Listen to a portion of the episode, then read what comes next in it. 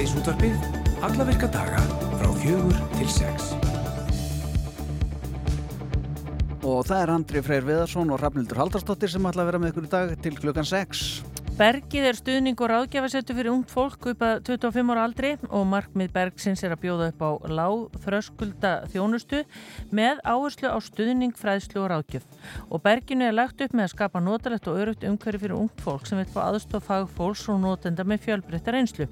Á morgun mun kívanisklúpurinn uh, kívanis, kívanismenn afhenda Berginu fjórar miljónir. Hjalti Úrsur sem ætlar að mæta fyrir okkur til okkar fyrir hönd kívanisklúpsins. Já, við vitum ekki eins og hvað klúpurinn heiti, þeir eru náttúrulega margir Já, á landinu, já, já. en þetta er í neini sanni. Akkurat. Og Sigur Þóra Bergsdóttir fyrir hönd Bergsins. Á morgun verður loftslagsdagurinn í hörpu og þar á að fjalla um uh, loftslagsmál og á mannamáli fyrir fjölmarga gest í sal og nokkur hundru til viðbótar í streymi.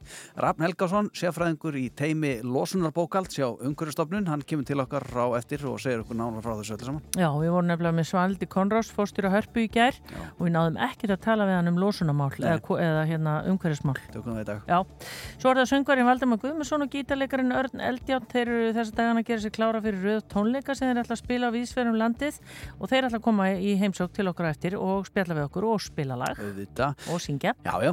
Læknirinn Henrik Geir Garcia sendi nýverið frá sér skáldsöguna Læknir verður til. Það segir frá fyrstu skrifum lækna í starfi og álæginni sem að því fylgir. Þess uh, varpar Henrik ljósi á vannkanta í heilbriðiskerfisins. Hann ætlar að segja okkur meira frá þessu eftir. En einn stöðufærslan varðandi afleitan leigumarkað hér á landi byrtist í háte- hádeginu og þessi sinni var það frá Láru Ómarsdóttur sem að greipi það örþröfar áð að selja sína eigin íbúð til þess að geta aðstofa dóttur sína og ömmubarni við að komast í húsnæði og viljum að heyra í Láru eftir. En uh, eins og á miðugdöfum þá byrjuðu við þáttum því að heyra í fréttarittara síðdeis út af sinns byrni Malmqvist sem að síðastur spjöldum að var statur í Strasburg. Hvar ertu núna Björn? Ég er komin aftur til Brussel Já, ég er komin heim, komin heim. Ég er komin heim, Já. ég er komin heim. Ég sitt hérna á torki sem að heitir Flagey eða Flagey, Flagey, Flagey getur það verið á íslensku. Hérna Flagey heitir það. Það er í suður hluta Brussel, afskaplega inn, mikið indalist torg, miklu skemmtilegri stemning hér heldur en í miðbænum hérna þá sem að allir fara sem að koma hinga til Brussel. Ég mæli með því að koma hérna á Place Flagey, þetta er, er afskaplega svona myndrænt, mjög fjölmennt. Við- Ég sitt hérna beint fyrir framann eh, kannski eitt af þekktari kaffihúsum og börum í Brussel sem heitir Café Belge eða bara uh, belgiska kaffihúsið. Já. Uh, og hér er Andri, að segja, gott viður. Já, ég bara treysti því. Mér heyrist það líka á mannmerðinni þannig kringu þig og ef mér skjáttlast ekki þá áttu nú búin að finna þarna góðan félag eða ekki? Reyndar er ég búinn að því, uh, ég ætla bara að vara ykkur við það er mikil umferði það í, í kringum flasi, hér ganga sporvagnar og strætóvar og ég veit ekki hvað, þannig að það er stundum svolítið háfaði. Ég, ég og félagi minn sem ég ætla að nefna til smástund, við reyndum hérna í nokkra stund að fá sæti á kaffehúsinu en það er þegar sólinn brýst fram þá fyllist hér alltaf fólki þannig að við sittum hérna bara á yllum bekk nálat götunni. Hér er svona 18 til 20 stiga hiti, uh, glampandi sólskinn, það má segja voru sér komið. Já. Hjá mér er, ha, Nei, þú sendur okkur mynd hérna, maður lítur á þetta hálgjörnum öfundraugum hérna. Æ, Æ. ég, það, var einmitt, það var einmitt til þess var leikurinn gerður. á milli. Það tókst. En hjá mér er einn Íslandingur sem hefur búið hérna í mörg ári í Brussel, hann heitir Átni Snævar, rithöfundur og blagamæður. Átni, þetta er nú svona heim á slóðir þínar, eða ekki sant? Já, já, það má segja. Ég bý eh, á götu sem heitir Rydju Lack og það er bara heilega tjarnargata. Því að eh, fyrir utan að vera með þetta torg hérna þá eru tvær tjarnir, minna svolítið á, á eh, já við segjum ekki tjarnirnar í Reykjavík sem er bara tjarnirna í Reykjavík já. en hún er allavega tvískipt. Og eh, já, þannig að það má segja að það er svona ímislegt sem að kallist á. Ég vil nú ekki kalla mig flageiging samt. Sko, hérna rétt hjá Flasi, ég er einmitt þarna klaustur sem þú kynnti mig einmitt fyrir hérna bara fyrir nokkrum mánuðum síðan. Nunnuklaustur gamalt sem að stendur hérna bara rétt fyrir ofan uh, þessar tjarnir. Já, hann er einskottur staður strax að það væri nönnu klustur, svo fólk haldir hún ekki þessi gengin í klustur. En uh, já, það er uh, eins og svo margt annað hefur það gengið endur nýju lífdaga og, og, og hýsir núna listaakademi og arkitektaskóla. Og uh, þú varst nú ekki búin að nefna það Björn en að við sitjum hérna að það sem að laðaði fólk að þessu torgi var nú lengi vel að það var hýsti höfustöðvar belgiska ríkisúttarstins. Sem, hérna, sem voru hérna í alveg gríðarlega falleri byggingu, beint fyrir framann okkur, mjög svona mikil einkennis, ja, svona mikil einkennis bygging á þessu hverfi og það hefur líka gengið í endunni og lítið. Nákvæmlega og, og það er líka arkitektaskóli, ég held að það sé svo samirendar og er í klusturnu, en e, það eru líka aðalega frábærir koncertsalir og bíó. Ég held að Vikingur Heiðas er búin að spila tvísvar í, hérna og innan við ári allavega. Hérna hinnum hefur torkið líka bar sem heitir uh, De Valera, hann er mjög vinsætt meðal fótbolta áhuga mannaþárum meðal íslenska sem koma að hinga gætnan á sunnudum og horfa leikina sína.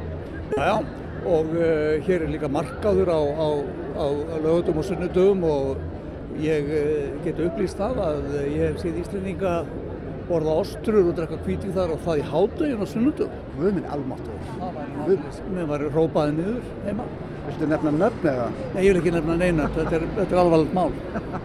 en sko hins vegar þá er eins og þú segir mjög skemmtilegu markaðar á flassi í torkinu um, um helgar. Núna er eins og ég að búið að setja þarna upp svona einn af þessum svona gammaldags frekar dabulegu sirkusum sem að greinilega verður hérna næstu vikurnar.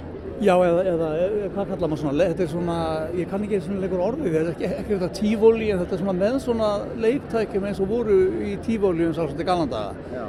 Og krakkar er eiginlega bara nenna þess ekki lengur, þau, þau eru svo góðu vön með sína spjáltölfur að þau get ekki beðið þetta að losna og komast í tölvurnar. En það er svolítið gaman að þessu torki sem út frá bara, hvað ég segja, borgarskipulagi að að e, þegar að e, það e, þegar að hérna ríkisútvarfi sundraðist hérna því að það var hreinlega skipta upp á milli frönskumælandi og flæmsku eða hollenskumælandi og var endur oflítið hvað sem var og þá var ekki nokkur skapað hlutur að gerast í þessari frábæri byggingu lengi vel og svo var það svona breytið svona í, í, í menningarmiðstöðum. En endal, það var endalins deilur um þessara tungumála hópa eins og alltaf. og eins og alltaf og allt í Belgíu snýstum það og meðan annars þá var svona hérna þá var ekkert gert við torgið nema að einhverjum undalum ástæðum og það er líka með belgistar ákveð að breyta að byggja bílastæðikjallar en eh, ég nefndi tjarnir á þann og, og fólk getur náttúrulega ímyndað sér að torg er ekki einhverstaðar upp í, upp í hlýð heldur það er neðst. Og það sem gerist var það að það flætti alltaf inn einu kjallara og þetta var, var hérna í fyrsta ánum sem ég var hérna þá var þetta bara einhver hóla í örðina og reys ekki einhver íslenskt einhver etta upp úr því Nei. heldur uh, þá eftir miknar deilur í borgarstjórn sem voru svo leiðilegar að, að, að bara, ég hef sagt að hætta að lesa belgíska miðlali eftir að Ég komst að því allt snýrist um deilur um tungumál sem engur sliftu en í þessu tilfelli þá var niðurstaðan svo að byggja ekkert vegna þess að ég gátt ekki komið sér saman um neitt. Það var bara að leggja stjæn. Eh, og eh, ég minnist þess alveg sérstaklega að sé því svona fríblaði indálkum það að, að eh, bæjarstjórn XL sem er hluti af, Brussel myndi taka til umræðu að hugsanlega kannski jafnvel sekta bíla sem lögðu á torkinu. Það við ekki leggja í kellarna því að þetta eru vandi flæða inn í hann e, nú þannig að það var bara þetta auða torg og hvað gerist það sem er tóm? Jú, einhver fyllir upp í það og það fór að mæta bændur með framvegslu sína og það var enginn sem ákvaða þetta bein. Já, þannig var þessi markaður til. Og þannig var þessi markaður til. Það verður stærlega. Þetta er náttúrulega briljant sko, ég meina þessi markaður er frábær, sko þegar það er ekki hérna tífóli á, á torkinu þá er þetta bara fullt af sölutjöldum. Fólk að borða ostur og drekka kvítlinn og, og líka að selja osta og, og, og græmitu og ég veit ekki hvað og hvað. og þetta setur svo mikið svip á, á hverfið. Ég held að við sem bara ganga í, í fórstbræðala hér Björn, Íslandingar gegn tífóli. Erðu, við látum þessu loki hérna í byli frá Brussel, hérna eh, Andri og Rafnildur, bara, skil, bara við, við átnum byrjum að heilsa hérna úr sólinni á Flagey og ég ætla bara að segja fólki sem að er á leiðinni til Brussel einhver tíman næstu vikunar eða mánuðina komið þið frekar hinga heldur en að fara nýra á Grand Place það er miklu skemmtilegur hér. Já. Uh, Heyr, heyr, takk hjálpa fyrir þetta Björn Málkvist og við heyrumst á vikuleðinni Við gerum það, bless, bless. Takk fyrir, bless Fyrst og fremst með þér. Við erum Rástföð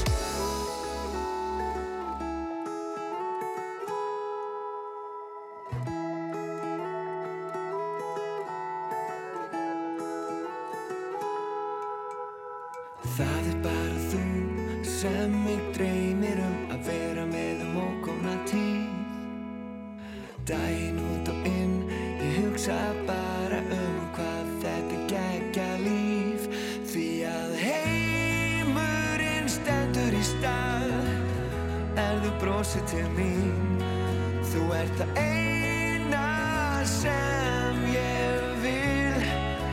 Mm, Að vera með þér alla liðlangar stund. Því ég get ekki hægt að hugsa um þig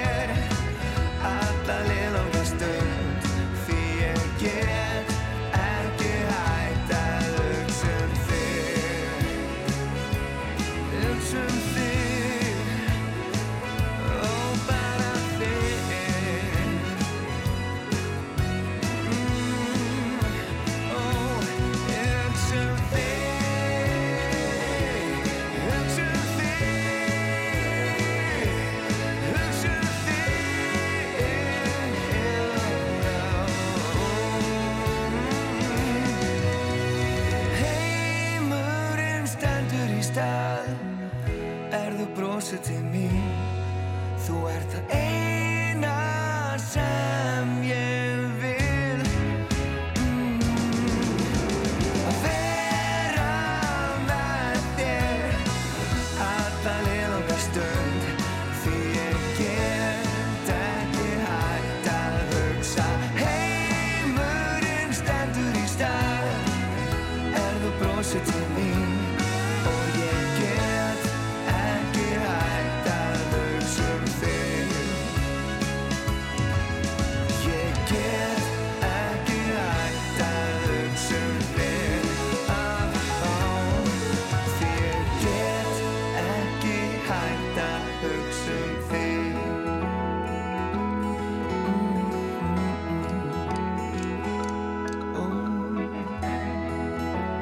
Þetta er Reymur með nýtt lag sem heitir Get ekki hægt að hugsa um þig.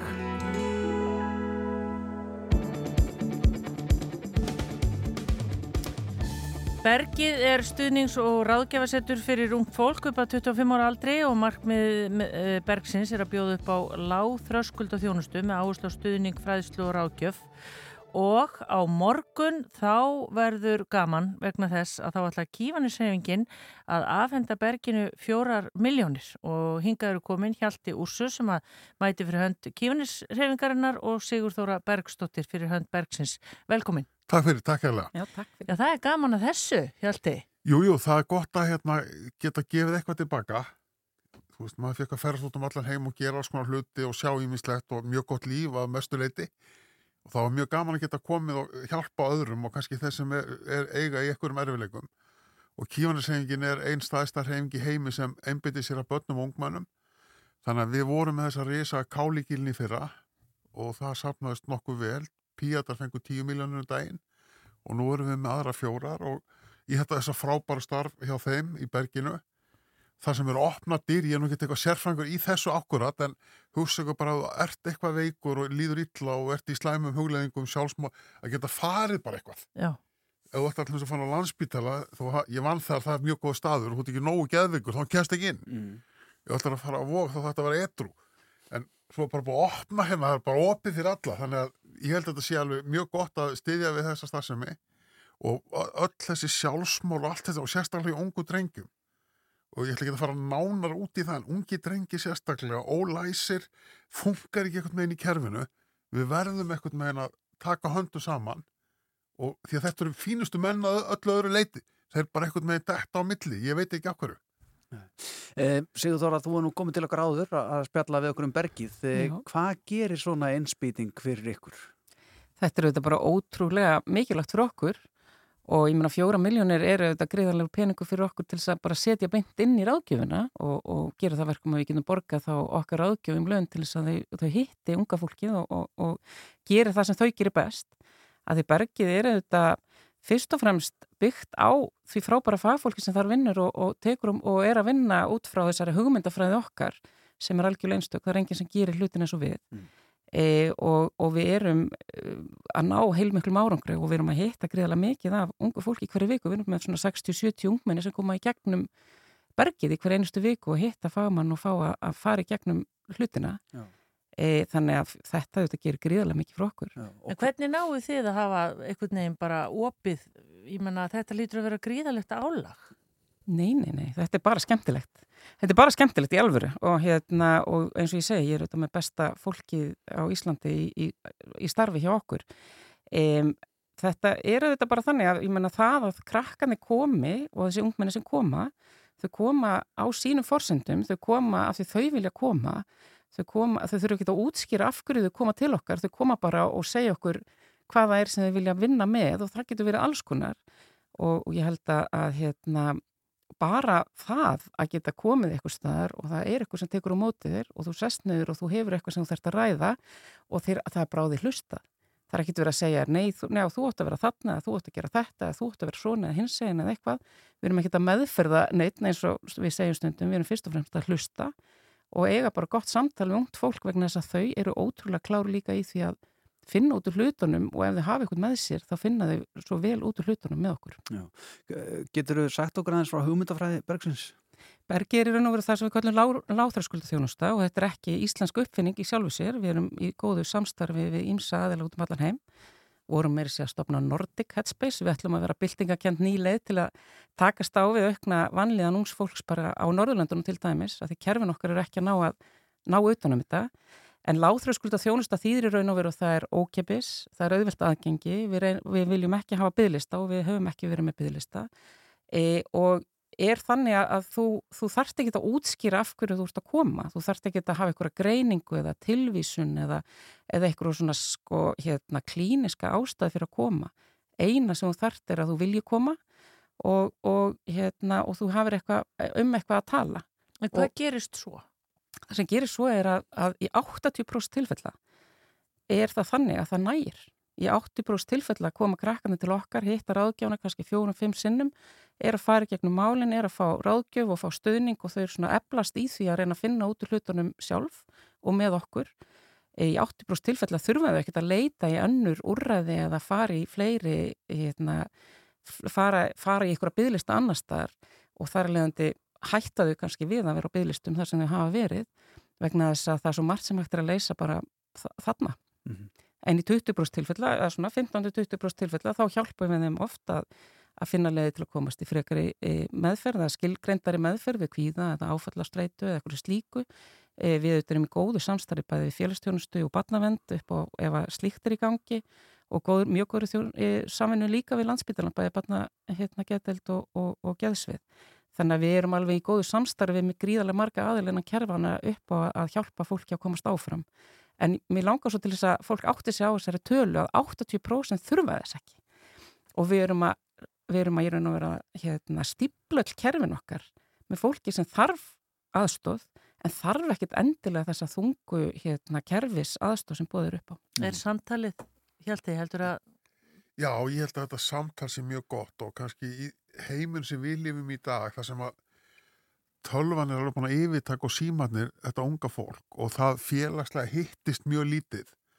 Og svo hefur maður heyrt að því að það sé byrjað að hóta fóröldrum eða það er slögt á tölvunni og, og, þetta, er mjög, og þetta er mjög algengt.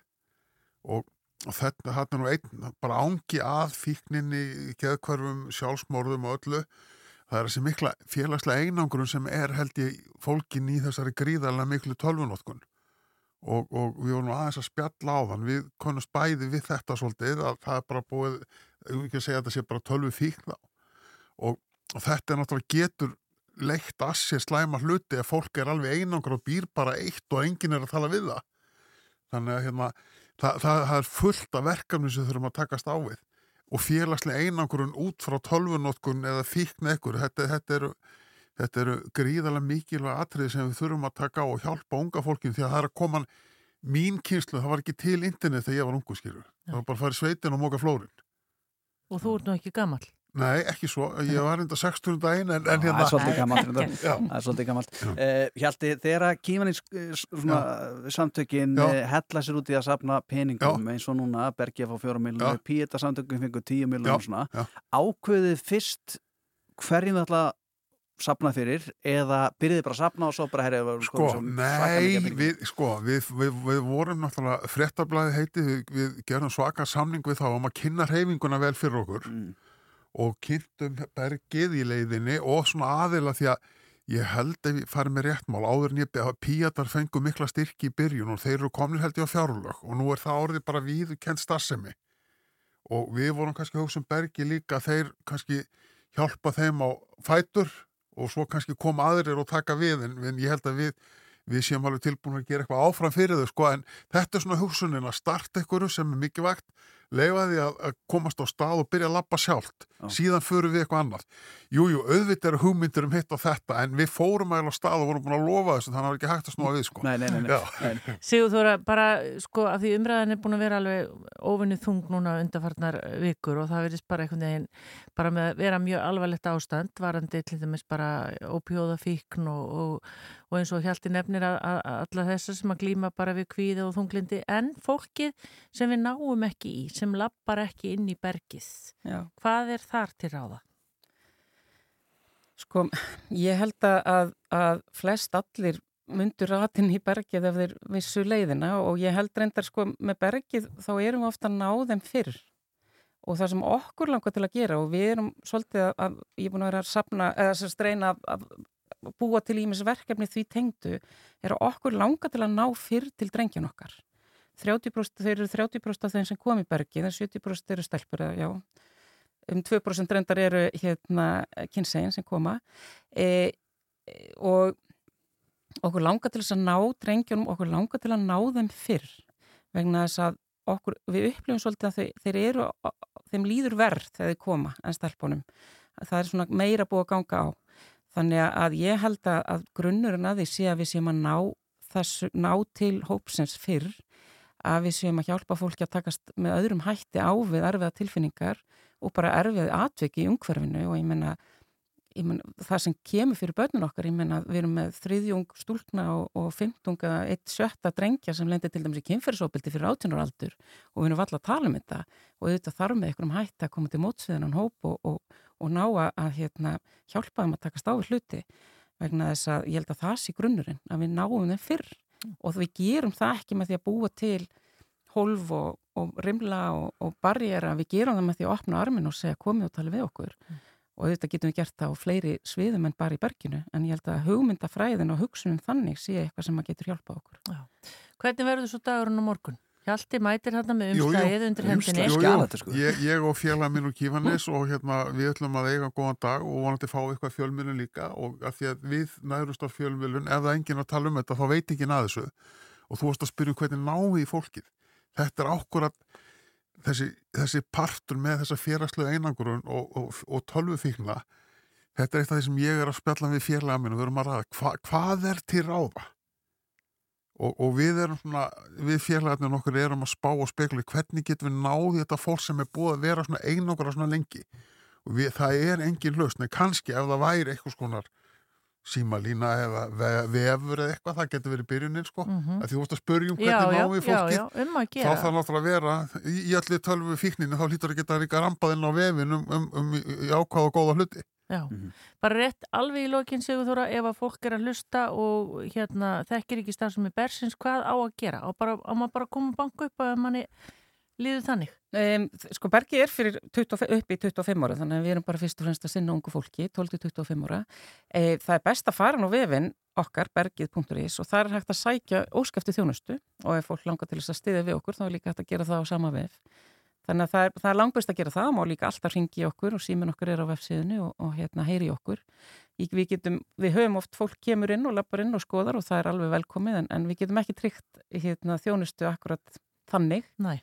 Að það sé eitthvað laus en, en hérna, En bara ekki, endilega en fara ekki nú eftir við. hálft ár ef ég ringi það, ég þarf ekki að býða hálft ár eða eitthvað slíkt. Nei, já, ég menna við erum, að, við, við erum ekki með neitt á byggð akkurat núna og hérna við náum að, það er, þetta er að þingjast og það er að fjölga og, og, og ráðgjáðnur okkur hafa meira en nóg að gera en við erum að reyna að halda því að, að það sé ekki meira en vika, kannski tværi mestarlega þá til að fara tíma. Þegar ég er aðeins að því að hann kostendur og les, Já. að þá er bæjarfélagi mitt, Mósesbær, er, er aðstöðu. Ég er mjög reiki mósvellingu sko að þeir eru svona, eru þar að hjálpa til í, í mjög góðum álefnum. Ég varð að koma þessa Já, fyrir, já. já. Á er þessu komið að. Já. En svo voru, hvað, pönnuköku líka? Eða Jú, það er sjáum okkur ára kleinu, það verður eitthvað, en við erum bara svona sem mikla hotlustu sko, kannski prótenshake. Kannski. Já. Það voru ávaxtastöð. Já. frá Gífanins samtökunum og Sigður Þóra Bergstóttir takk hjálpa fyrir kominu síðan svo og gangi ykkur vel og bara uh, hafið gaman um okkur. Já, Takk það, takk, takk. Rástvö Fyrsta umferðin í Íslandsmeistaramótinu í Torfæru fer fram á Hellu lögadaginn 7. mæ klukkan 11. Nánari upplýsingar á Facebook Sindra Torfæran 2023 300 grammar í bæ. Hérðin restaurant. Eigum skólprensustöðvar af öllum stærðum, allt frá smæstu sumarhúsum upp í stærstu sveitafélög. Yðnver.is Nýr Kia Niro. Ævintýri handan hortsins. Tilbúin til afhendingar. Askja Krókálsi. Lítill biti getur gert gæfumunin. Sjáumst á toppnum. Goði. Best í nesti. Það er auðvelt að gerast viðskiptavinnur og nýta sér fjölbreytta kosti til að ávaksta fjármunni í gegnum evaf.is. Íslensk verbreyf, óháð og fagleg eignastýring síðan 1987. Quickstep Harðparkett. Harðviðarval. Vandaðu valið. Hekla notaðir bílar bjóða þér gæða bíla á góðu verði. Stór síningasalur og nóg af bílum á plani. Hekla notaðir bílar. Reynslan er góð. Kynntu þér fjölbreytta námsmöguleika sem styrkja stöðu þína í lífi og starfi. Endurmentun.is Veldu það sem gefur þér mest. Síðdeis útvarpið alla virka daga frá fjögur til sex.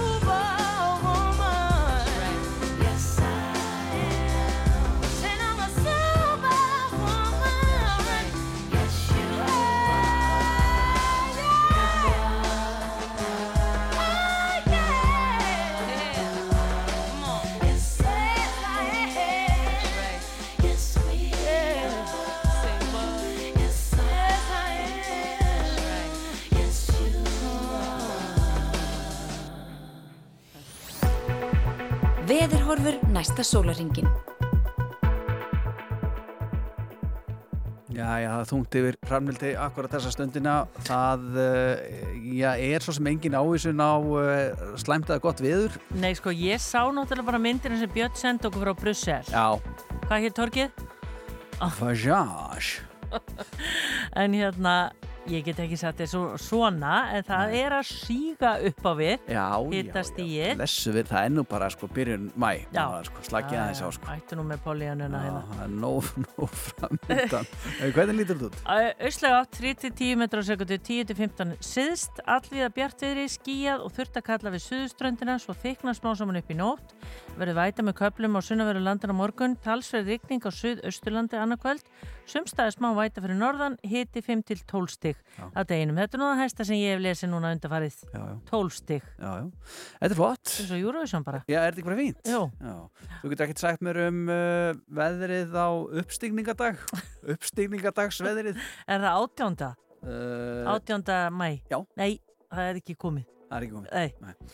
En hérna, ég veit ekki, vorum við eitthvað búin að kíkja á hverju þetta ammali í dag? Já, maður er nú alltaf með annað eða svona hugan við ammælistagana maður náttúrulega man þetta Já. og uh, það er nú gaman að segja frá því að Sigrún Eldjárn, uh, rithöfundur hún fæðist þessum degi árið 1954 Frænkans uh, Arnar sem kom, kemur til okkar. Hann er bara mættur hann að vröta löður Já, já, með Valdimar Guðmundssoni Það eru ekki að fara í ammali svo. Já, allir það ekki. Uh, álverið í Strömsvík, það var formlega tekið nótkun á þessum degi, árið 1970 og má segja að þetta sé um, amalistega þess. Um, svo er nú uh, gaman að segja frá því að Ísland tók þátt í Eurovision í fyrsta skipti með læginu Gleðibankin sem að hljóðastin Æsi flutti að sjálfsögðu svo eftirminnilega og uh, það var þessum degi árið 1986 Gleimi því aldrei. Nei. Nei. og svo var það síðasti þátturinn uh, af Dallas sem var síndur á þessum degi árið 1991 Já, já, já, mikill sorgardagur. Ríkalöðu dagur, dagur. Já, já. En mannst þú hver vann þegar að Gleðibankin flutti, eh, ég fekk að ljóma í eirum Europabúa? Býtu nú við, ó, já, að munna Þetta er þryggjastega spurning. Ó, svo vanti ég spyr svona, ó, nei, maður ekki. Nei, uh, fallan á tíma, það var Sandra Kim Ég ætlaði að segja það. sem sigraði með Ó. læginu Jamie La Vie. Ég ætlaði í alveg En gerði að það ekki, gerði það ekki. Nei, nei. Þetta spila það? Já, sjálfsögð. Já, já. Ó, ég ætlaði að segja Já, það. henni.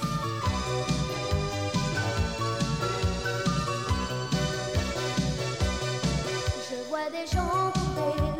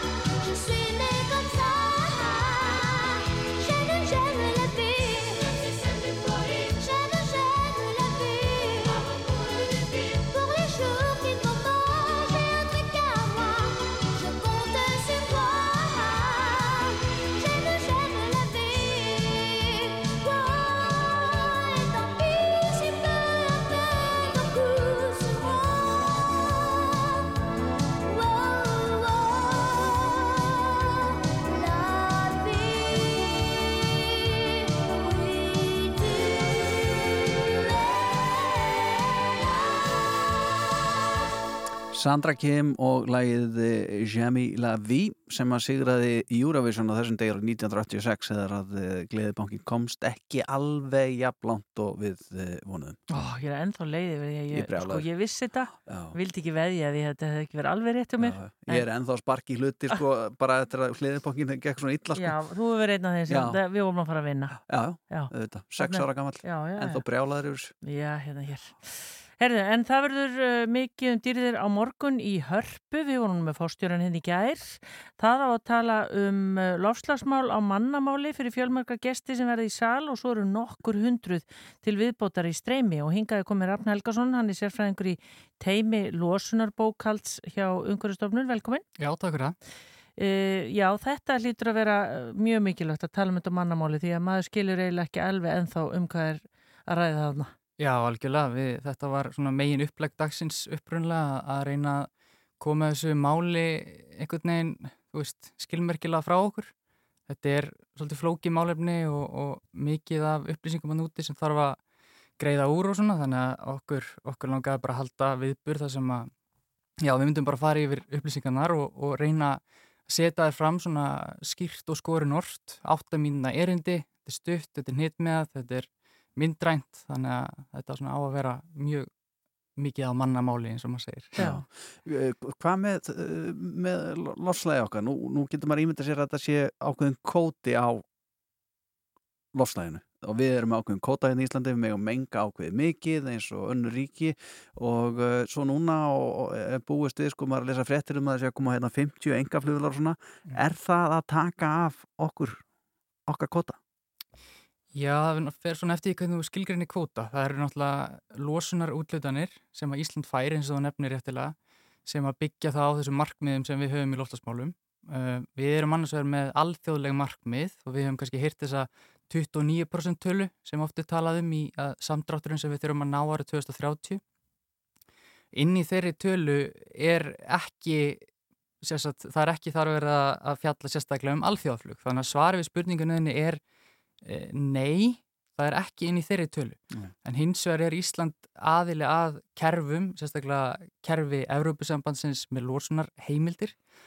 E, þar sem að alþjóðaflug sem er innan Evrópusvæðisins, nú er þetta að byrja strax Já, að vera flókið sko, já, já. en það fellur undir þau markmið og þá, þá þurfa þau fyrirtæki sem að eru innan þess kerfis að kaupa heimildir fyrir sinni losun sem á að vera til þess að losunni dregst saman þannig að þetta er inn í, inn í kerfunum einhverju leiti Já. en auðvitað hjálpar ekki til að það sé að koma einhver þátturinga Nei, ekki, sko. nei, passar eitthvað, það var eins og þetta var ekki sömu vikurinn bara Já. og var lofslags Ég segi bara, sko, ég segi þetta ekki en ég ætla að segja, en ég hætti við það ég ætla að segja bara allir út með leysarna sko. Já, einmitt, en hérna bara svona, rafna, hvernig stöndum við okkur á Íslandi? Er þetta svara því eitthvað á stuttan hátt? Eru við ömulega eða? Nei, Hvað sér, ekki? Nei, Nei? nefn Ég alla held- svo. Já, það er bara svipur, er á Við erum bara honum. klaufar. Við erum ekkit alveg best. Við erum ekki best. Nei. það er alveg óhætt að segja það. Við erum alls ekki best. Eh, það eru mörg ríki sem er að standa sig hans betur en við í að ná, ná fram samdrætti, hratt og öruglega eins og hver, hver er bestur? Eh, Svíþjóð er að standa sig mjög vel.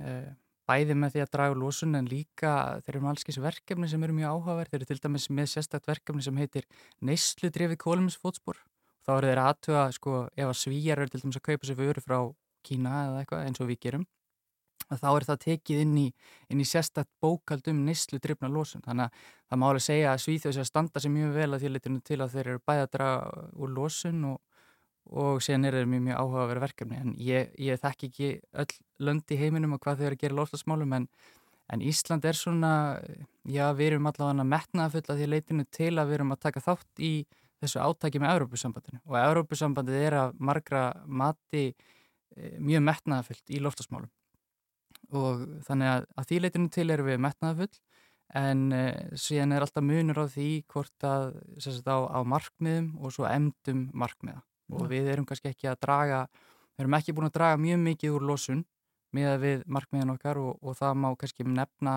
á Kyoto tímambilinu sem var að klárast og við erum núna að fara inn í þetta Parisa tímambil að þá skulduðu við og þurftum að, þurftum að og það er verið að gera það upp núna að, að borga fyrir þá losun sem að stóð út af Já. og, já. Uh, Rafn, það er sko beð, eða, sérst, gestir eða þáttakendur eru beðnir um að taka með sér nestisboks Já, okkur langar að fara fram með góðu fordæmi og, og tryggja það að það verði engin matasón á viðbyrðinum. Við ætlum að bjóða upp á mat í, í hátteginu og, og, og það er alltaf erfitt að átta sig nákvæmlega á því hvað margir mæta, hversu margir borða en við, við, við sagt, fáum mat fyrir þá sem að skrá sig. Svo verður kannski einhver afföll og þá er eins gott að maturinn nýtist og uh, hann mun, hérna, og við ætlum að bjóða upp á það að fólk komi bara með nestisbóks, það er náttúrulega bara mjög eðlert. Ég skil ekki ekkur er ekki allir með nestisbóks alltaf Já. á svona viðbyrjum, það er svo mikið að mat. Þannig að í staðan fyrir að oft er svo hætti tunnu, stundum er þetta nú gefið góðgerðamál en Já. kannski ekki alveg tímið til þess. En bara rétt í lokin, er þetta skrá sig, er plássa en þá eða fyrir þá sem hefur lifið á, á hérna, Teams eða hvernig þetta er? Já, það er náttúrulega alltaf hægt að skrá sig í streymi og fylgjast með þannig. Það eru örf á sæti laus í sal eftir, þau eru ekki mörg þannig að það fyrir hver að vera síðastur að, að næla sér þau sæti. Þannig að ég vil bara hvetja fólk að fara inn á lofslagsdagurinn.is og þar er hægt að skrá sig og bara býða ykkur hjartalega velkomin á þennan frábæra viðbyrð. Og í fyrramáli bara? Já, við byrjum, byrjum kl. 10 í fyrramálið. Í hörpu? Í hörpu í Silvubergi. Uh, Rafn Helgason, takk hjá fyrir komuna í Sittisvotapið og uh, gangið vel á morgun. Takk fyrir það. Síðasta sem að Hjalti Úsur sagði hann að labbaði hérna út, hann sagði spilaði fyrir mig Óskalag, spilaði eitthvað með gildrunni og það er ekki séjens. Ég ætla ekki að líða Hjalti Úsurs. Hérna er gildran, mærin.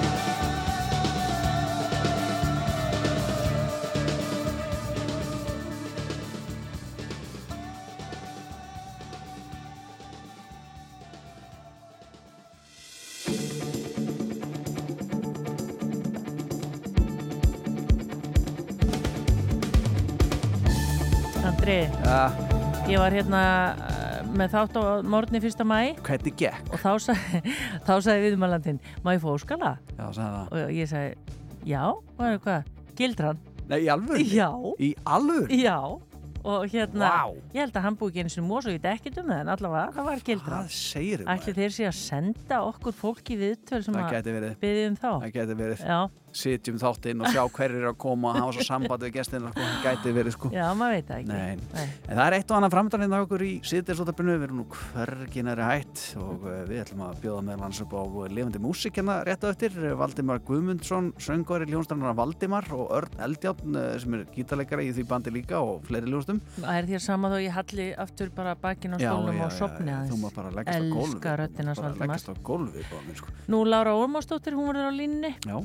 og hún er bara brjáluð. Já. Það er dýrt að leia, nú ætlar hún að selja íbúðinu sína til að kaupa sér minni Mhm. og geta þar með búið dóttur sinni og barnabarni að búa með. Já. Og eldhúsið. Já. Og eldhúsið, hún er búin að vera að vinna, ég veit ekki hvort það er tekið eftir í þeir sem eru kannski ekki vinnir Lára á Facebook en það er ekkert lítið búið að gera fyrir þetta eldhús.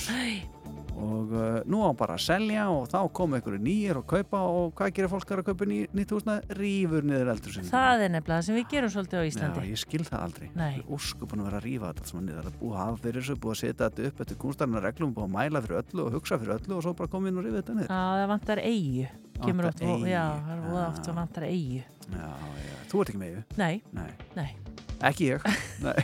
eigu. Já, já. Eigu? Við búum á eigu. Já, við búum og hann duga. Svo kemur til okkar læknir sem heitir Henrik Geir Garcia. Hann var að senda frá sér skáldsögu sem fjallar um það að vera læknir. Hvernig, já, Já, við þurfum að spyrja um því þegar hvernig óskum fram að dætti að gera skáldsögu um sitt eigi starf. Já. En svona er þetta. Eh, Við ætlum að leipa fréttastofan að eh, þeir eru mættir hérna fyrir þetta og, og við ætlum að gefa hljóði hérna smástund.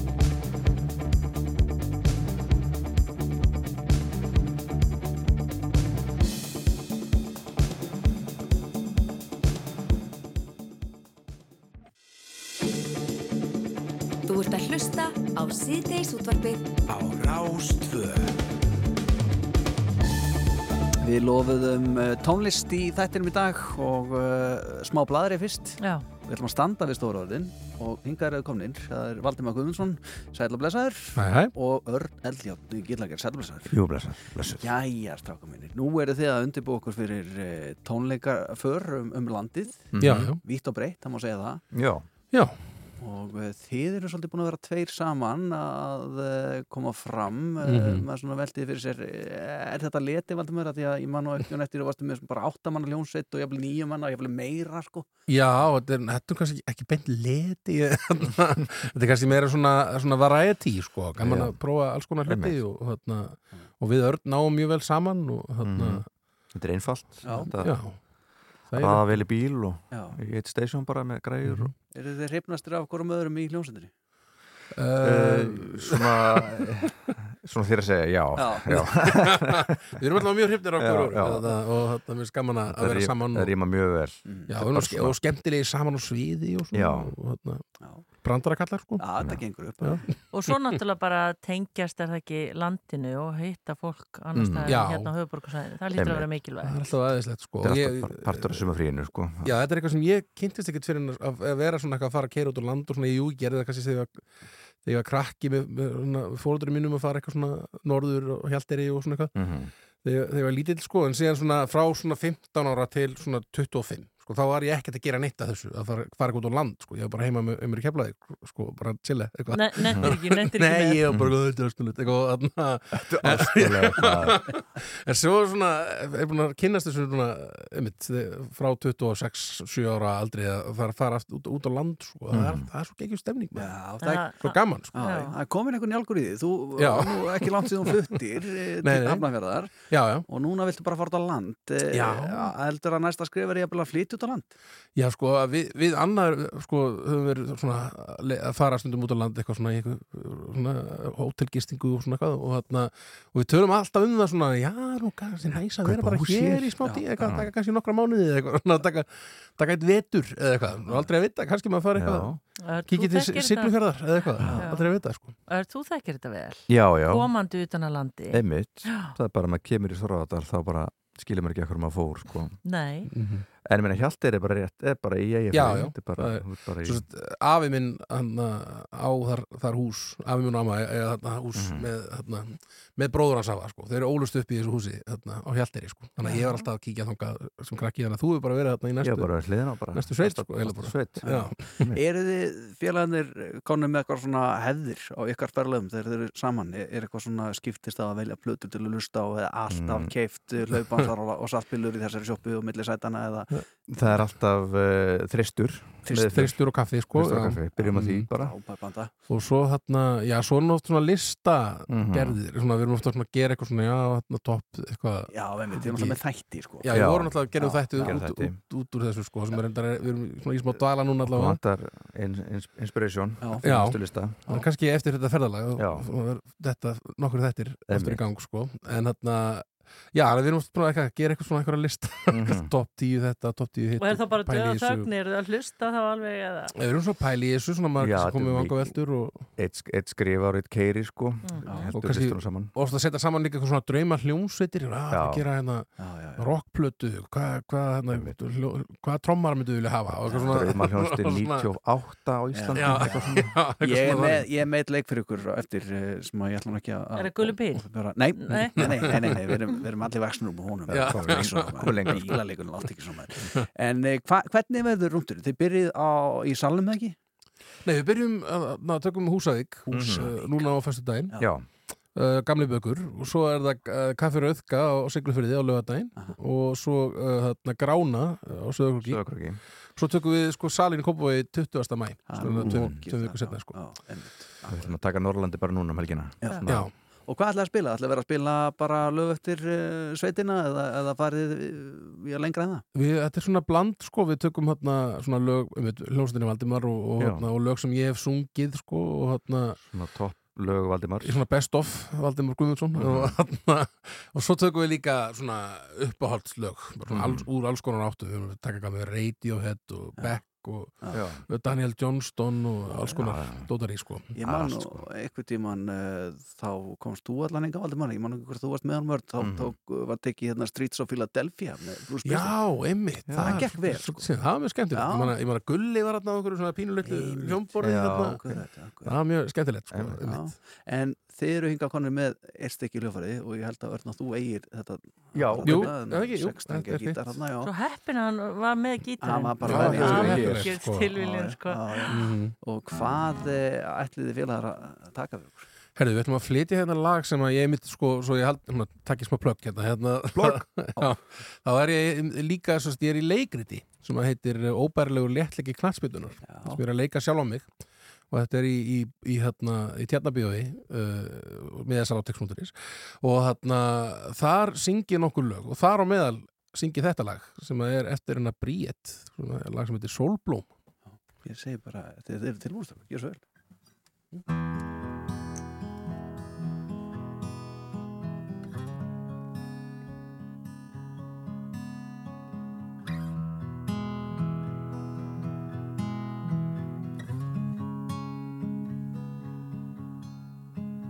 Veit ekki hvað ég vil sjá Þegar ég loka augunum.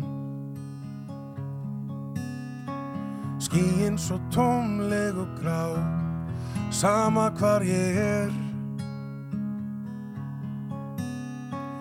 Heimurinn snýst rætt í ring En er samt ekki á reyfingu Hvort var það rétt eða ránt að fara frá þér. En kannski áttirðu aldrei orðin sem ég beið og beið eftir. Kannski var ég aldrei það sem að þú þurstir Og kannski sneri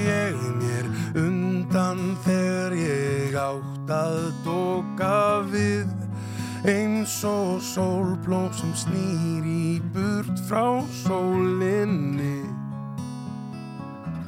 Ég vissnaði mm -hmm. Ég vissnaði mm -hmm.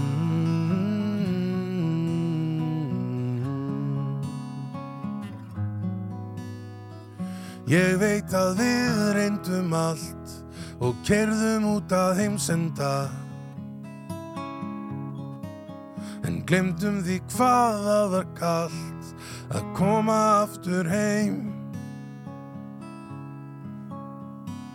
Nú er ég bæði með þig og countrylag á heilanum.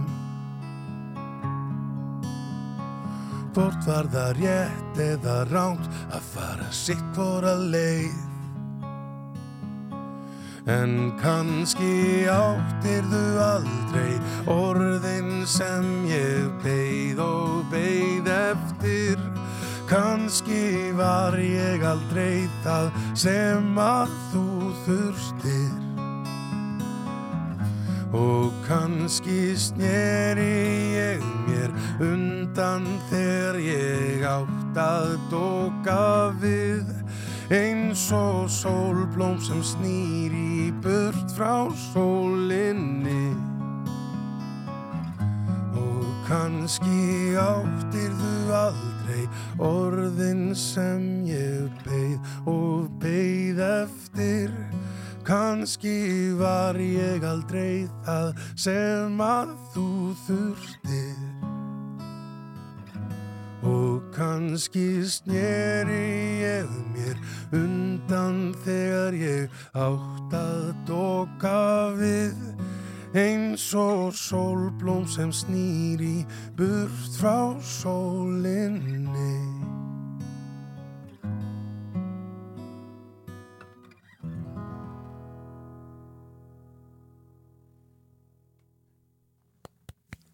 Já, ég bara held mig það Dásamlegt. Þetta Takk eru ha, Valdimar og Örn Eldjárn.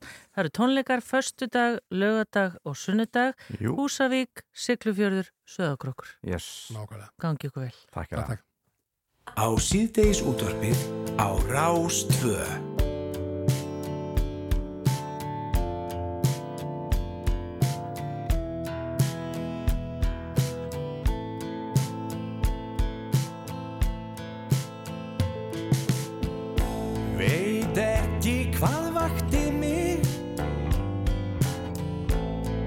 Vill liggja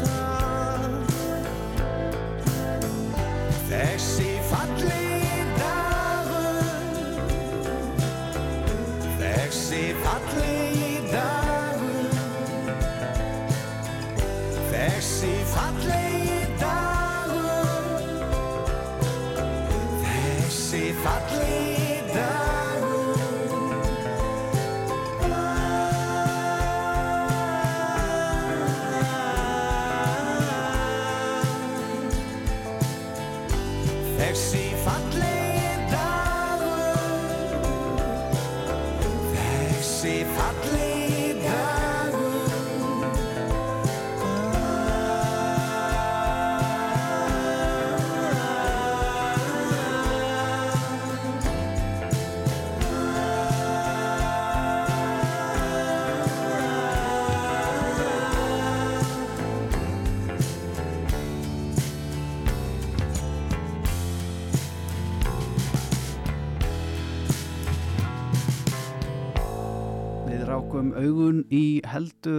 sorglega stöðufæslu á uh, Facebook uh, núna nýlega.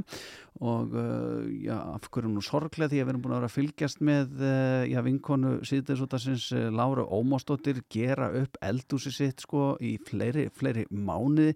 Svo loksins var það klárt í fyrra. En hvað heldur að gerist? Hún þarf að selja íbúðuna sína á samt manninu sínum til þess að geta komið dótti sinni inn í sína fyrstu eign. Já, eða sem sagt hjálp henn að Já, já. þannig að selja íbúinu þessuna. Þetta er ástandið. Já, og við erum komið Láru á línuna, komdu sælublessu Lára.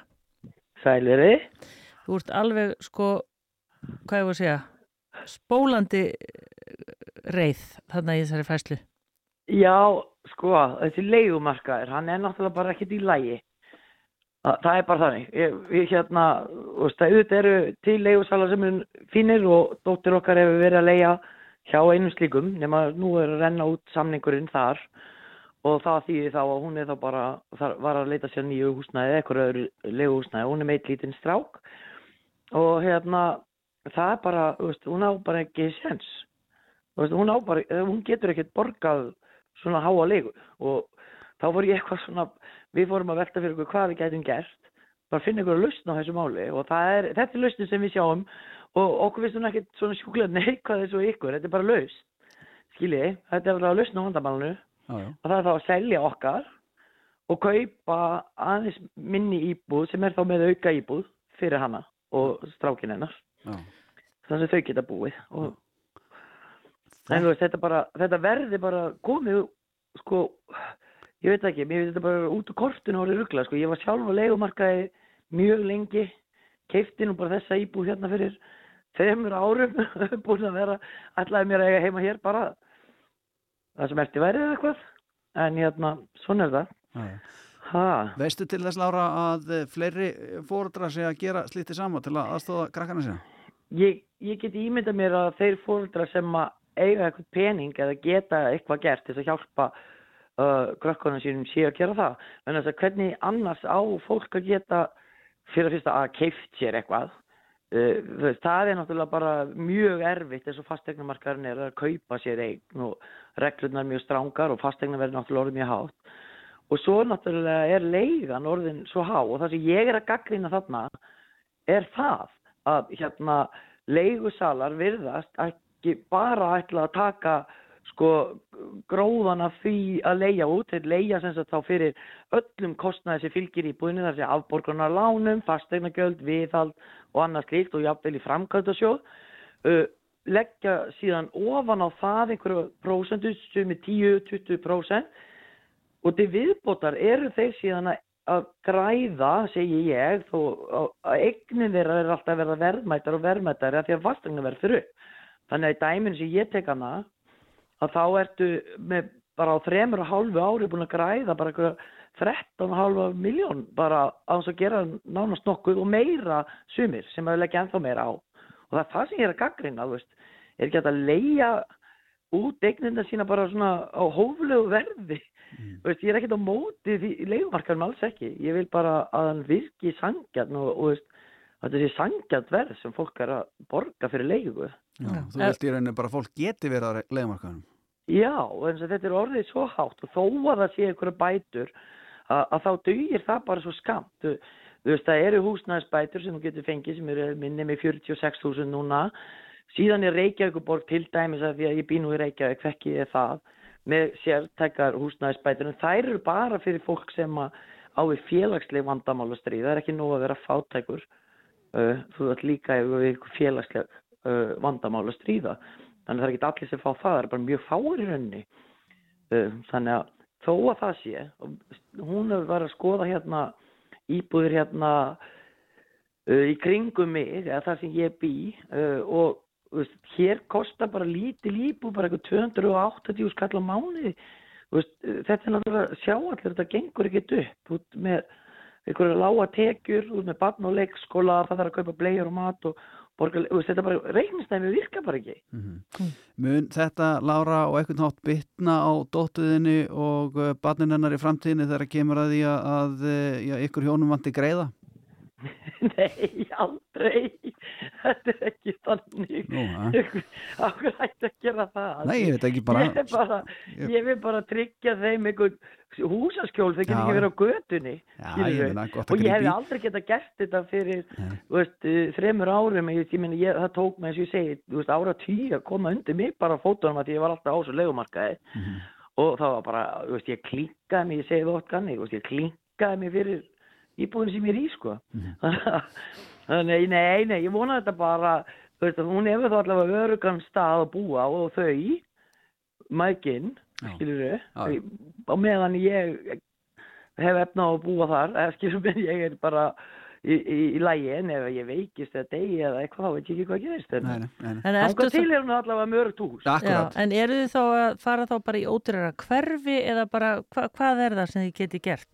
Nei, það sem að ég er að gera er rauninni, ég sel mína eign og hérna uh, og með því að bæta bara við lán, skilur að þá get ég keift í, aðeins minni íbúð fyrir mig og haug og sem er með íbúð, sé- auka íbúð, kjallara sem er bara aðeins dýraður en þessi sem ég er í.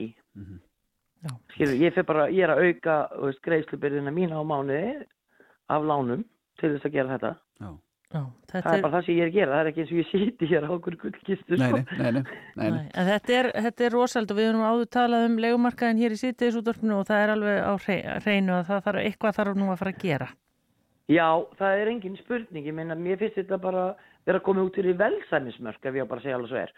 Uh, og sko þeir leigusalar sem eru í þessu bara til þess að græða peninga og óheirilega mikla peninga á neyð fólks, mér finnst að þeir megi bara aðeins fara að hugsa sinn gang, sko.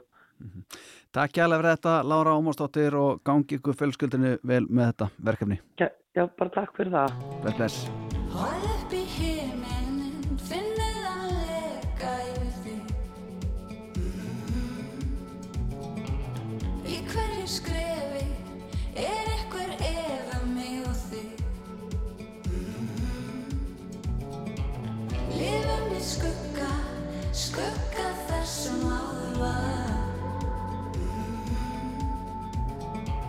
Vakna dagur, vakna nýjar spurningar.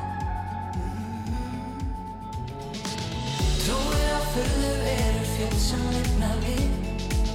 Fljúandi furðu hlut og guð.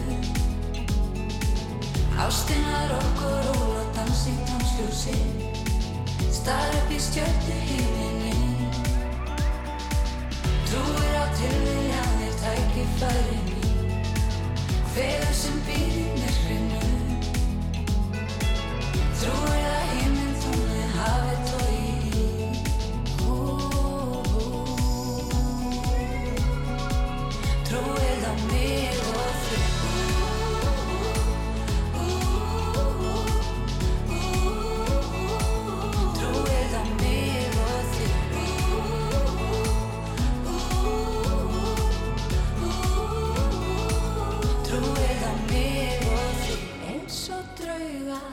erum við ósýnileg?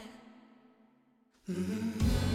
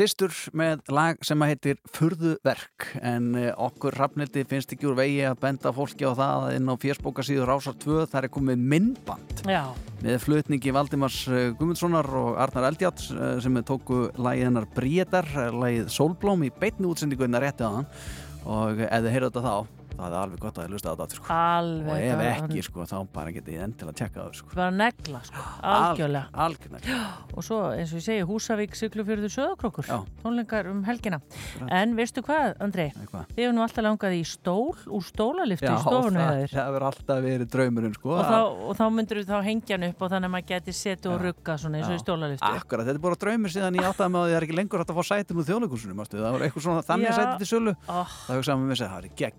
að svona að og svo datt manni í hug sko, erði nei fá eitthvað svona sem ruggar eitthvað svona sem maður hefur ég meina það er verið að selja svona alls konar stól og, líka út í garð Já. til dæmis. En, alla, já, já, en nú er allavega verið að selja hérna stólana úr drottningunni sem er sem sagt elsta stólalifta landsins sem var byggð í Bláfjöllum 1969 og um, býtur nú í dag uh, svo fyrsta, já nei, fyrsta var í Hlíðafjalli 1969 en þetta var svo fyrsta á Suðvesturhortinu uh, 78 og nú eru þess, þessi stólar til sölu. Það er frábært. Og þeir kosta tíu skall stykkið. Það er ekki mikið. Það komast tveir Ég- tvö. jafnvel. já, þrý litlir Já. Já. en hérna þeir ætla að selja þetta tíu, að, þetta er bara að vera að varvita minningu þessara flottu liftu Já.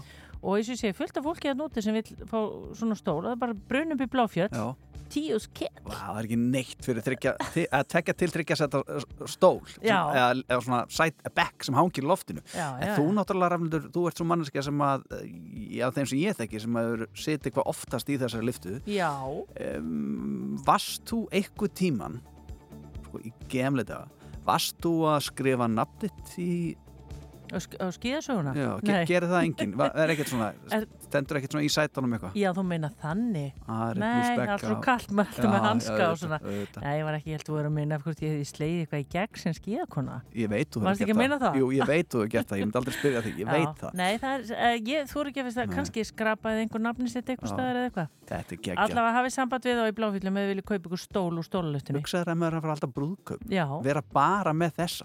Já. er geggja Allavega hafið samband við þá í bláfyllum eða vilja kaupa ykkur stól úr stólalustinu. hugsaður að maður að fara alltaf brúðkaup Já. vera bara með nokkra stóla og Já, svona. svona standandi brúðkaup og svo með nokkara svona En í hvað myndi maður hengja? loftið ekki það lítur að vera Veit það ekki. ég hugsa það Já. en sveið mér þá endilega, já, hafið sambandið bláfjöld ef þið viljið fá uh, ekkina eða stólana úr liftinni þetta Já. er, eh, menna, maður, maður segir stundur sko, bara þessi stóla getur talað sko. Ég veit það. en hvað með það sem maður setur á svona diskanir þegar maður er í partíinu sko svona í rauðun að býja til klósetinu væri ekki slæmt að geta tósa niður einn og skellt á milli lappana og halla sér aftur Haldi í sér ekki að það því sko Er þið góð hugmynd? Já. Þeir hafa ekki verið að selja það Nei, nei, en þeir eru kannski hugsa með sér, það er ekkit notakild í þessu, en það er það víst. Þannig að endilega, það að Það sé hlusta. dettur í hug já, hér er komið að Simple Minds, þetta er lagið Alive and Kickin'. Svo ætlum við að tala við hann Henrik Garcia, Já. sem er læknir og var að skrifa skáldsögu um læknir. You turned me on.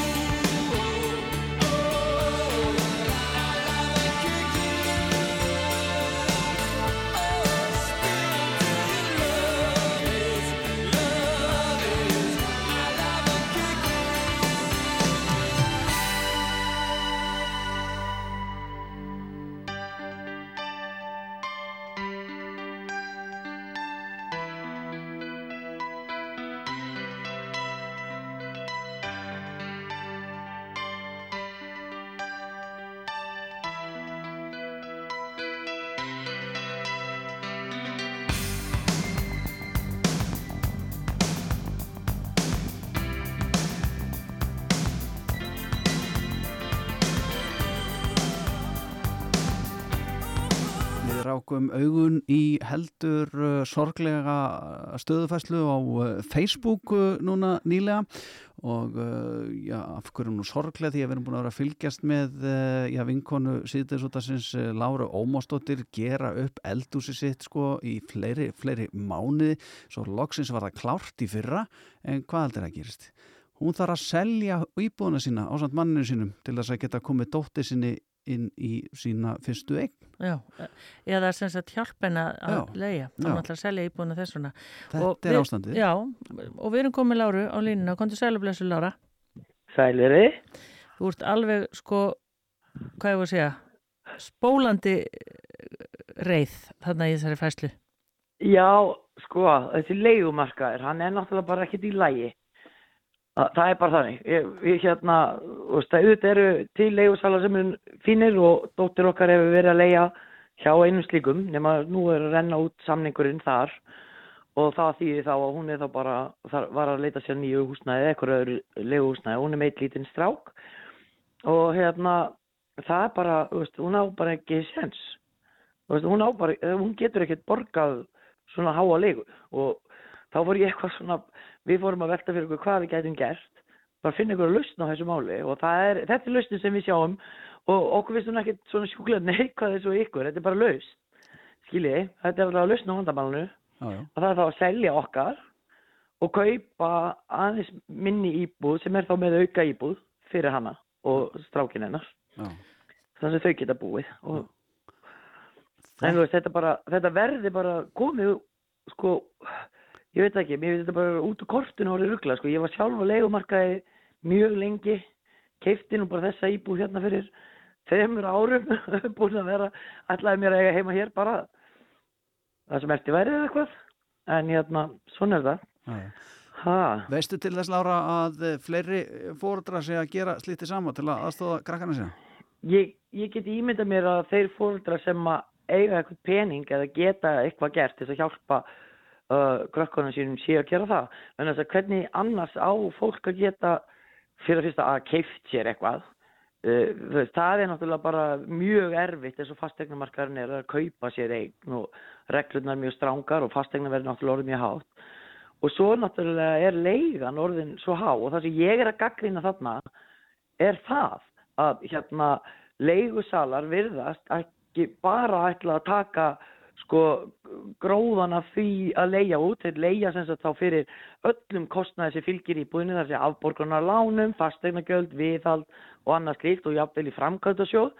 Uh, leggja síðan ofan á það einhverju prósentu sem er 10-20% og til viðbótar eru þeir síðan að að græða, segi ég, þó að- að eignin þeirra er alltaf að verða verðmættar og verðmættar af því að fastegna verður upp. Þannig að í dæminu sem ég tek hana, að þá ertu með bara á þremur og hálfu ári búin að græða bara eitthvað 13,5 miljón bara á þess að gera nánast nokkuð og meira sumir sem að leggja ennþá meira á. Og það er það sem ég er að veist, er ekki að leia út eignina sína bara svona á hóflegu verði. Þú Veist, ég er ekkert á móti því leigumarkaðum alls ekki. Ég vil bara að hann virki sangjarn og, og veist, þetta sé sangjart verð sem fólk er að borga fyrir leigu. Já, þú vilt í rauninu bara að fólk geti verið á leiðmarkaðunum. Já, en að þetta er orðið svo hátt og þó að það sé einhverja bætur að, að þá dugir það bara svo skamt. Þú, þú veist, það eru húsnæðisbætur sem þú getur fengið sem eru minni með 46.000 núna. Síðan er Reykjavíkuborg til dæmis að því að ég bý nú í Reykjavík, þekki ég það, með sértækar húsnæðisbætur en þær eru bara fyrir fólk sem að á við félagsleg vandamál að stríða. Það er ekki nóg að vera fátækur. Uh, þú ert líka ef við ykkur félagsleg uh, vandamál að stríða. Þannig að það er ekki allir sem fá það, það er bara mjög fáir í rauninni. Uh, þannig að þó að það sé, hún hefur verið að skoða hérna íbúðir hérna uh, í kringum mig, eða það sem ég bý og veist, hér kostar bara lítil íbúð, bara eitthvað 280 skall á mánuði. Þú Veist, þetta er náttúrulega sjá allir, þetta gengur ekkert upp út með einhverja lága tekjur, út með barn og leikskóla, það þarf að kaupa blegjur og mat og borga, þú veist, þetta bara reiknistæmi virka bara ekki. Mun þetta, Lára, og eitthvað nátt bytna á dóttuðinni og barnin hennar í framtíðinni þegar kemur að því að, að uh, já, ykkur hjónum vanti greiða? Nei, aldrei. Þetta er ekki þannig. Akkur hætti að gera það. Nei, ég veit ekki, bara- Ég, bara, ég vil bara tryggja þeim einhvern húsaskjól, þeir geta Já. ekki verið á götunni. Já, ég meina, gott að Og ég grípa hefði í. aldrei geta gert þetta fyrir, veist, eh, þremur árum. Ég, ég ég, það tók mig, eins og ég segi, veist, ára tíu að koma undir mig bara fótunum að ég var alltaf á þessu legumarkaði. Og það var bara, veist, ég klinkaði mig, ég segi það oft veist, ég klinkaði mig fyrir íbúðin sem ég er í, sko. Þannig, nei, nei, ég vona þetta bara, þú veist, að hún hefur þá allavega örugan stað að búa og þau, mækinn, skilur þau, á meðan ég hef efna á að búa þar, eða skilur mig, ég er bara, í, í, í lægi en ef ég veikist eða degi eða eitthvað þá veit ég ekki hvað gerist. En, Þangað þá- til er hún allavega mörgt hús. Já, en eru þið þá að fara þá bara í ódýrara hverfi eða bara, hva, hvað er það sem þið geti gert? Nei, það sem að ég er að gera í rauninni, ég sel mína eign og hérna uh, og með því að bæta bara við lán, skilur að þá get ég keift í, aðeins minni íbúð fyrir mig og haug og sem er með íbúð, sé- auka íbúð, kjallara sem er bara aðeins dýraður en þessi sem ég er í. Skilur, ég, fer bara, ég er að auka greiðslubyrðina mína á mánuði af lánum til þess að gera þetta. Já. Já, Það þetta er er, bara það sem ég er að gera, það er ekki eins og ég sýti hér á okkur gullkistu. Nei, sko. nei, nei, nei, nei, nei. en þetta er, þetta er rosald og við erum áður talað um legumarkaðin hér í sýttiðisútdorfinu og það er alveg á hreinu að það þarf eitthvað þarf nú að fara að gera. Já, það er engin spurning, ég meina, mér finnst þetta bara vera komið út fyrir velsæmismörk ef ég bara segja alveg svo er. Uh, og sko þeir leigusalar sem eru í þessu bara til þess að græða peninga og óheirilega mikla peninga á neyð fólks, mér finnst að þeir megi bara aðeins fara að hugsa sinn gang, sko. Takk hjálpa fyrir þetta, Lára Ómarsdóttir og gangi ykkur fjölskyldinu vel með þetta verkefni. Já, já bara takk fyrir það. Bless, bless. Bless. Henrik Geir Garcia sendi nýveri frá sér skáldsögu sem heitir Læknir verður til og uh, já, það er spurning hvort þetta er skáldsaga eða hvað, því að Henrik er læknir og blandar vik- líklega saman þarna eh, reynslu sinni af því starfi og, og svo hérna skáldska, skáldskapnum. Hvað segirðu Henrik eh, til hamingjum bókina? Takk hérlega fyrir. Þetta er í rauninni blanda af skálskap og raunulegum sögum. Það sem að ég hef uh, tekið óra fjölda viðtala við kollega og, og líka sjúklinga og fengið að byrta með þeirra góða leifi í, í sögunni með breytingum. Það, það er engin saga svona óbreytt eða þekkjaleg og það er engin staður nefndur eða tími og uh, þannig að þetta er, þetta er begja bland. Já, en, en ert að reyna að varpa ljósi á starf læknisins eða bara, já, hvert ert að fara með þetta? Sko, kannski það sem drýfur mig áfram með þessu, þessu verki er að ég vil bæta stöðuna. Og mér finnst hún víða ekki nógu góð og ég hef rekist á það rekst á það daglega. Mér finnst alltaf jafn erfitt að sjá fólk á göngunum í rúmi með ljós í loftinu og, uh, og svo er líka þetta listamannsæli sem ég hef. Ég þarf að tjá mig, setja merki mitt á eitthvað, kalla mitt eigið. Og síðast engi sítt er þetta mín tilum til að skilja af hverju þetta er svona. Og um leið kannski hjálpa öðrum sem hafa ekki, fá ekki sjá bak við tjöldin að skilja af hverju þetta er eins og þetta er. En er ekki galin pæling að vera læknir og uh, skrifa svo bók um það sem maður starfar við allan daginn? Jú, það er, ég var alveg ekki með það og það er ekki önnur bók í bíkerð Nei, ekki önnur lækna bók Ekki bróð Nei. En með fótbrotni eða eitthvað, þá get ég skrifa Mhm. En en þetta hefur verið, ég hef verið að sapna saman hugmyndum og mínum hugsunum dag og nótt síðustu fjögur ár og uh, það hefur verið rosalega tímafrekt og uh, mjög svona gott að komast frá þessu verkefni geta einbytt meira að þessu kemur að starfi á námi núna Já. Er þetta eitthvað svona, eh, ég meina við höfum séð oft í sjónvarpinu, það hafa verið vinsalar þáttasýri sem að eh, fjalla um lífið á spítulum og eru svona lækna drama. Er þetta eitthvað, er þetta að bera þetta saman við IR? Sko ég held að e, e, mitt verk er skrifað af lækni en það má, það má nú yfirleitt sjá hvort það er sannleikurinn Já. í, sjónvar, í sjónvarpinu eður ei Nei, nei. þannig að það er, það er vorulega vinstalt umræðafni lækna um villur í sjónvarstáttum Já, einmitt. um, þess, um þennan gera þannig að eh, á vissan átt eh, það er margt þarna líkt en, en annað ekki Mhm. um, það sem ég fjalla mikið um eru mörg ímiskona mörg af því að það er rosalega fínger mörg í þessu starfi það þarf að vera auðmygt en líka ákveðni. Það þarf að vera það eru mörg á milli vinn og engalífs það er mörg á milli vangreiningar og ofgreiningar. Milli læknis og sjúklings. Læknirinn verður líka veikur og er aðstandandi og, og svo framvegis. Þannig ég leik mér rosalega mikið að því að uh, leifa, ég læt personan að rekast á veggi og sett hindranir í veg þeirra og, og þau þurfa að gera svo vel að standast þessar eldrinir til þess að komast áfram. Já, en er hérna, af því að við heyrum ofsalega svona neikvæðar uh, rattir úr heilbríðiskerfinu og maður eiginlega, já, sögur eins og fólk treystir sér bara hreinlega ekki til að fara á bráðamótökuna eða svo löngu byggð eða það fær ekki heimilislekni, þannig að það, er, það dundrast á mann alltaf svona neikvæðar fréttir úr þessum þessi geira. Ert þú að reyna svona einhvern veginn að, að hjálpa okkur bara einhvern veginn til þess að skilja þetta allt saman þetta samengi? Já, ég held að það sé aðal drifkvartum minn er að skilja af hverju þetta er svona. Og eh, fyrstu uppkvæmstu mitt var mjög neikvægt en, en svo ekki sagði með mér vill nokkuð maður lesa þetta?